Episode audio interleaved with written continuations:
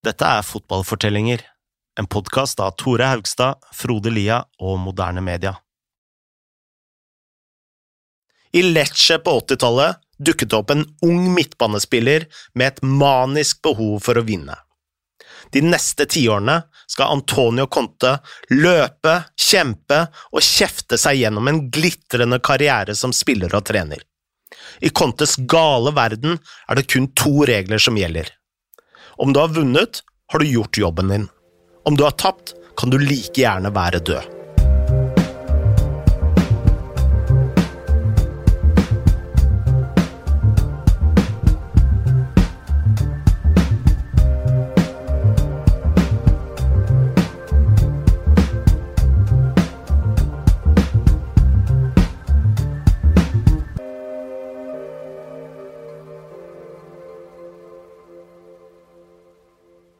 Antonio Conte ble født i 1969 i Lecce, en liten by helt sørøst i Italia, altså på hæren av den berømte støvelen. Han vokste opp i en tid hvor Italia var best både som liga og landslag. I 1982 vant Italia VM i Spania, og samme tiår hadde Serie A de største stjernene i verden, med Maradona i Napoli, Platini i Juventus og van Basten i Milan men Conte hadde ingen av disse artistene som sitt idol. Han beundret Giuseppe Furino, en beinhard ballvinner med kallenavnet Furia, som rett og slett betyr sinne. Furino spilte for Juventus, som var Contes favorittlag. Og selv om Conte bodde helt i sør, så var det jo vanlig at folk fra hele Italia enten hata eller elska Juventus. Men Contes drøm om å spille for Juve var ganske fjern i starten. Han hadde nok med å fokusere på skolen, hvor han fikk gode karakterer, og på fotballaget sitt, som var et av ungdomslagene til Lecce, og hvor Conte ble trent av sin egen far, Cosimino Conte. Om Conte aldri var en spesielt begavet spiller, så gjorde han opp for det med entusiasme og motivasjon. Han og vennene hadde på ingen måte de beste fasilitetene. Og da snakker vi ikke engang om de gamle grusbanene man kan finne rundt omkring i Norge. Conte spilte på en kirkeplass som var full av dype groper. Men så lenge han og vennene hadde en ball, så var de storfornøyde. Og Conte skulle senere si at kirkeplassen var hans egen lille San Siro. Da Conte var 16 år, ble han forfremma til A-laget til Lecce, hvor han gjorde sin debut under legendariske Carlo Mazzone. Han ble der i seks sesonger, og selv om han kun skårte ett eneste mål, så var han så lovende at Juventus viste sin interesse. Drømmen ble endelig realitet i 1991, da Conte pakka kofferten, reiste nordover og tok på seg trøya til den gamle dame. Juventus var ikke inne i noen storhetstid. De hadde ikke vunnet Serie A siden 1986, en tittel som ble levert av Giovanni Trapattoni og da Juve hadde funnet ut at ingen andre klarte å føre laget tilbake til toppen, så henta de Trapatoni tilbake. Da Conte kom inn i garderoben, så så han selveste Roberto Baggio og Trapatoni sitte der. Conte var kun 21 år, og han ble så starstruck at han knapt klarte å snakke. Senere skulle han si at han ble veldig emosjonell, og at han følte seg som både en spiller og en fan. Dette var dessverre ingen særlig god kombinasjon for Antonio Conte. Han innrømmer selv at den første sesongen i Juventus var elendig, og det var kun etter ett år at han virkelig fikk nok selvtillit til å spille fast på laget. Igjen så var han aldri den mest begava spilleren i stallen, men han kompenserte med sin lagånd, løpskapasitet og enorme vinnervilje. Om vi skal gå igjennom Contes læremestere, så har vel ikke Trapattoni vært det mest sofistikerte sånn taktisk sett. Godeste Il Trapp kommer fra den italienske Catenaccio-skolen på 60-tallet og var en ballvinner på det legendariske Milan-laget til Nero Rocco. Dette var en tid med kontringer og mannsmarkering, og som trener ble Trapattoni ofte kritisert for å være for defensiv. Men det er en grunn til at han hører hjemme blant tidenes beste trenere og han hadde mange ting å lære bort til Conte. For å finne ut av hva noen av disse tingene var, så har vi snakka med Even Bråstad, som før kommenterte Serie A for Strive, og som var med på å starte den strålende podkasten Støvelball om italiensk fotball. Han fortalte oss mer om Conte og Trappatoni.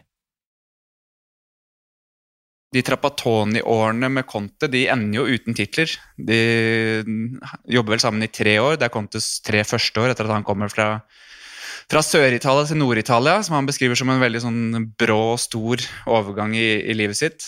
Fra strengt regime hjemme hos mamma og pappa til frislipp som 21-åring, og til nord, som er noe helt annet enn en sør, spesielt da, men fortsatt nå.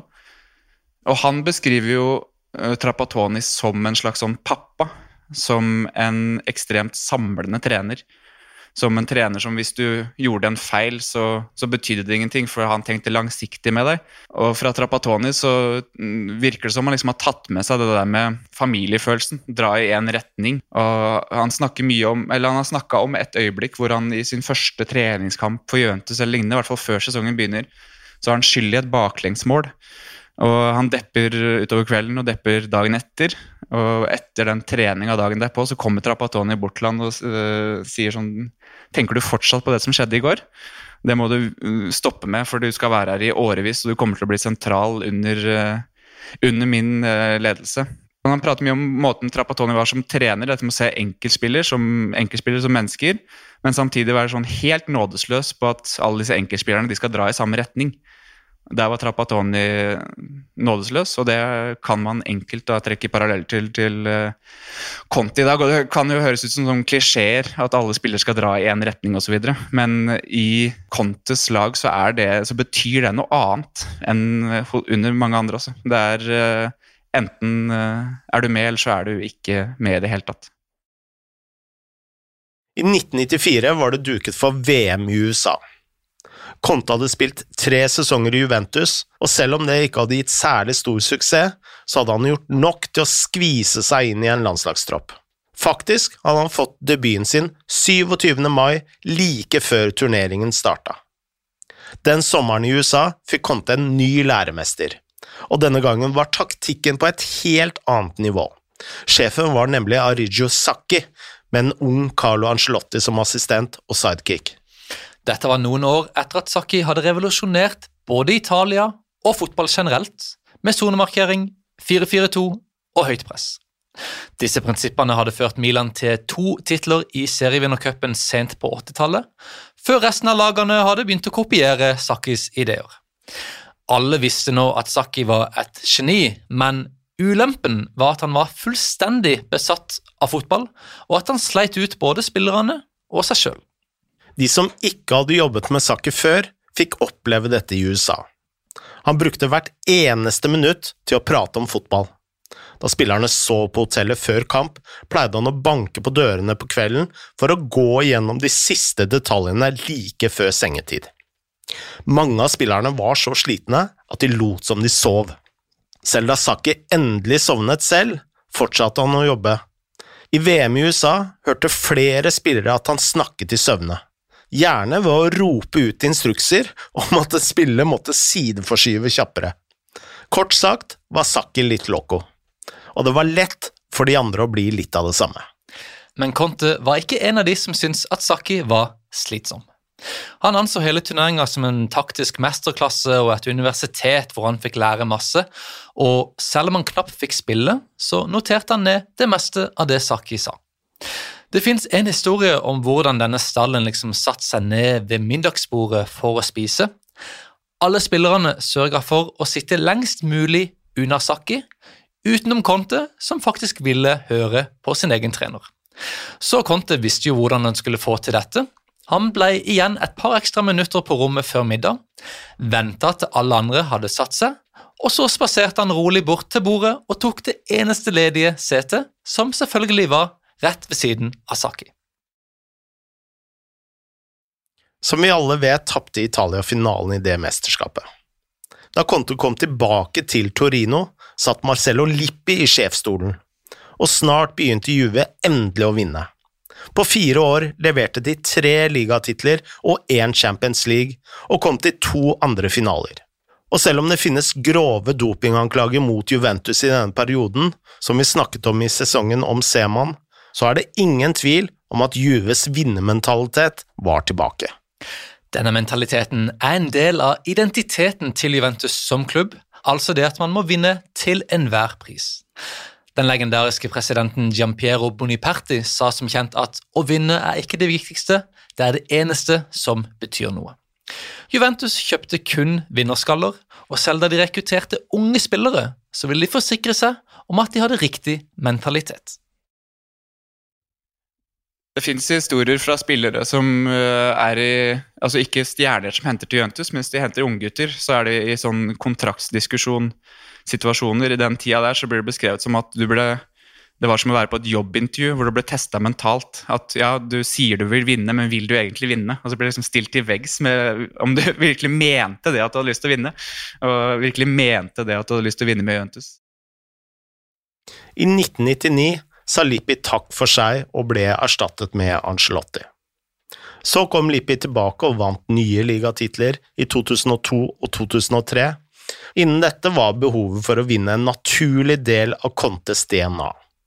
En av de verste dagene i Cottes karriere kom i Serie A's siste runde i år 2000, da de måtte slå Perugia for å sikre tittelen foran Sven-Gøran Erikssons Lazio. Seieren ble ansett som bare en formalitet, men i pausen kom det en gigantisk storm som gjorde hele banen til en våt hengemyr. Mange forventa at Pierluigi Colina skulle avlyse kampen men Perugia vant 1-0, og Lazio ble mestere. En knust Conte dro rett på ferie til Egypt, hvor han gikk fem dager uten søvn. Da Lippi igjen sa adjø i 2004, så sa også Conte at nok var nok. Han la opp etter 13 år i klubben, og i mange av disse så hadde han vært kaptein. Like som han hadde lært mye av Trappatoni og Sakki, så tok han med seg en rekke ideer fra Marcello Lippi som fotballtrener så kan det hende at det er der mange mener han har fått mest med seg videre selv. Da. Lippi hadde jo ikke noe voldsom CV da han tok over Juventus etter Trappatoni. Han hadde gjort det greit med Napoli etter eh, at Maradona dro. Men det er her den derre eh, vinnermentaliteten liksom blir til det å faktisk vinne.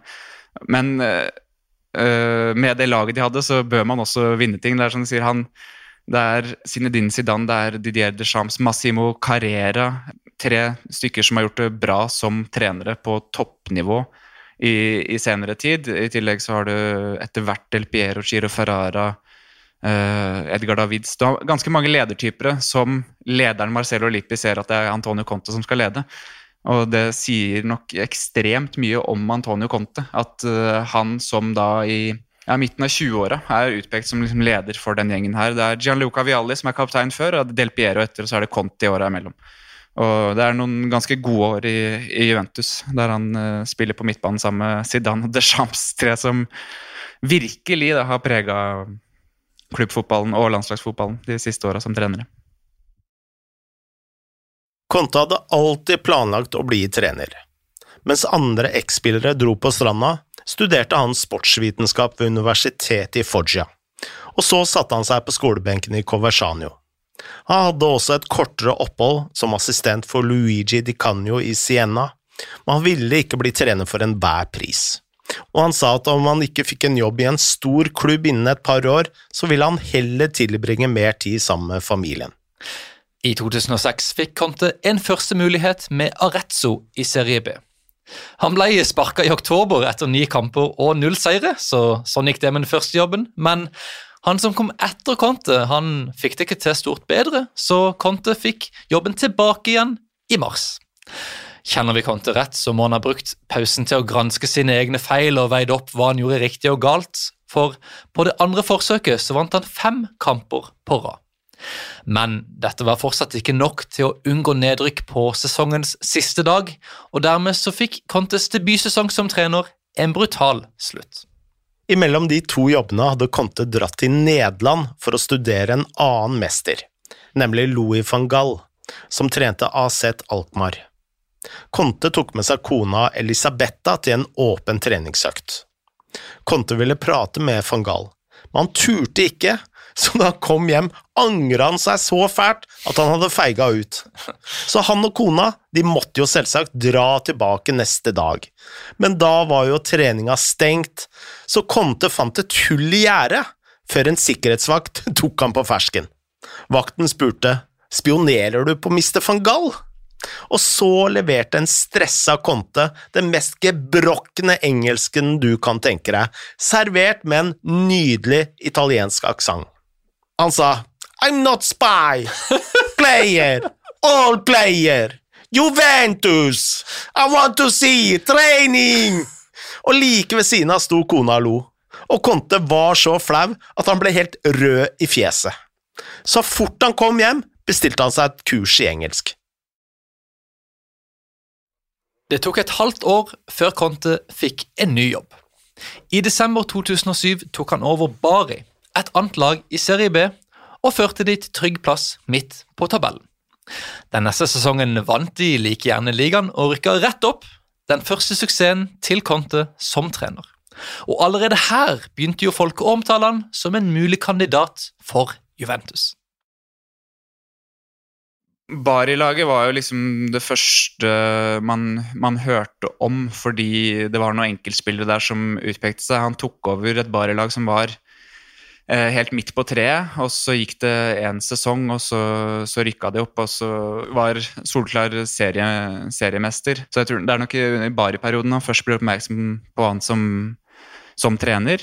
Eh, etter det hadde han vel, eh, hvis jeg husker kronologien riktig, et mindre vellykka opphold i en veldig kaotisk utgave av Atalanta, før han eh, da rykka opp fra Serie B til Serie A igjen med Sienna, som var det siste han gjorde før han da tok eh, Juventus-jobben. Så han hadde eh, et par veldig fine sesonger bak seg som fotballtrener, men han hadde jo ikke vært oppe og slått med de store eh, gutta, sånn som du forventes å gjøre når du tar Juventus. Tiden i Atalanta var spesielt turbulent for Conte. Han ble konfrontert av ultras som var rasende over lagets form, og sa opp neste dag. Ting ble langt bedre i Siena, hvor Conte drilla inn et 4-2-4-system og kjørte beinharde løpetreninger. Siena tapte den siste kampen før jul, og da spillerne kom tilbake fra ferien, sikkert med en liten ettersmak av panetone og et par ekstra kilo for mye, så sendte Conte dem rett på en treningsleir på Sicilia, hvor de løp til de kjente blodsmaken. Og her var nesten ingen grunner gode nok til å skulke unna. Mattia Destro ble f.eks. tvunget til å stå opp klokka fem på sin egen bryllupsnatt for å dra på treningsleir til Conte. Uh, og Conte var jo nesten ikke fornøyd med dette heller. Han sa at om det hadde vært opp til han, så hadde Destro dratt av gårde så fort han hadde kutta opp kaka. Med slike metoder rykka Siena rett opp til Serie A. Samme sommer ble Antonio Conte ansatt av Juventus. Vinnerkulturen fra 90-tallet hadde for lengst forsvunnet fra Torino. Det hadde Conte tenkt å gjøre noe med.